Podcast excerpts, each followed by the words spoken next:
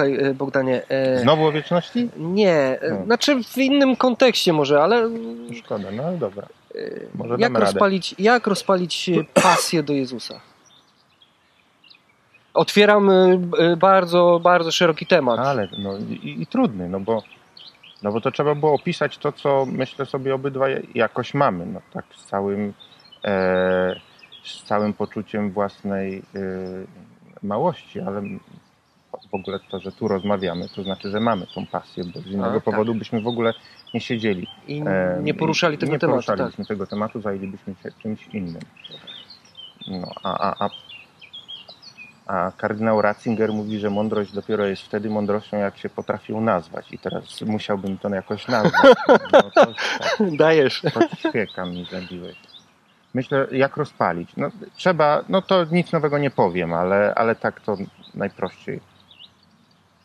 Trzeba dać to, co się ma w sobie, nie? bo wiara przerzuca się z człowieka na człowieka jak e, em, ogień z zapałki na zapałkę, nie?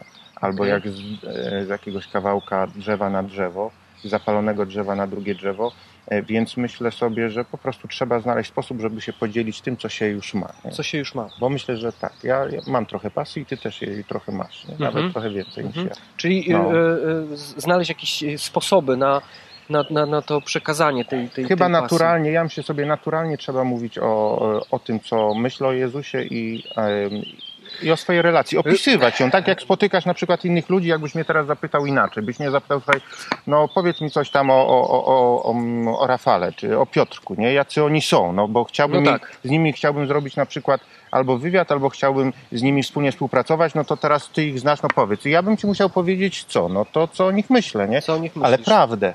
Ale, ale prawdę. prawdę, nie? A, I o ile o nich czasami być może znowu z mojego e, punktu widzenia mógłbym powiedzieć pewne rzeczy, które, mm, których nie rozumiem, powiedzmy to tak dyplomatycznie, e, które nie pasują do mojego sposobu myślenia, to o Jezusie to bym raczej nie mówił rzeczy negatywnych, bo ich po prostu nie ma. nie ma. Tak. No tu jest ten plus, że tutaj ne- negatywów e, nie ma. Myślę, że nie ma. Jeżeli by były, to byłyby tylko dlatego, że ja, ja, ja go źle widzę, o tak powiem, nie? Aha. ale to może za daleko już idę.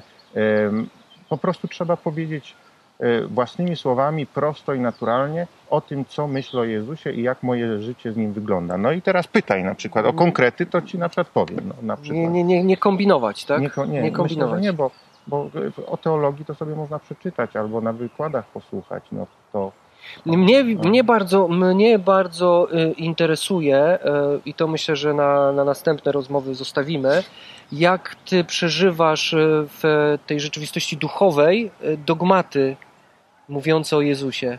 Czyli e, musielibyśmy wytłumaczyć, czym są dogmaty i czym jest chrystologia i zrobimy to, y, ale jak ty to w duchowej przestrzeni, w swojej Mhm. relacji z Jezusem jakby w, przeżywasz każdy dogmat chrystologiczny.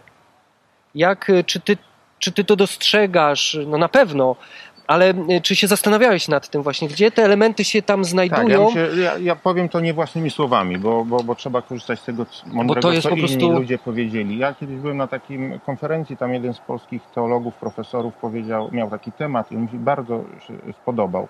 Powiedział, że życie duchowe, czy duchowość, Mhm.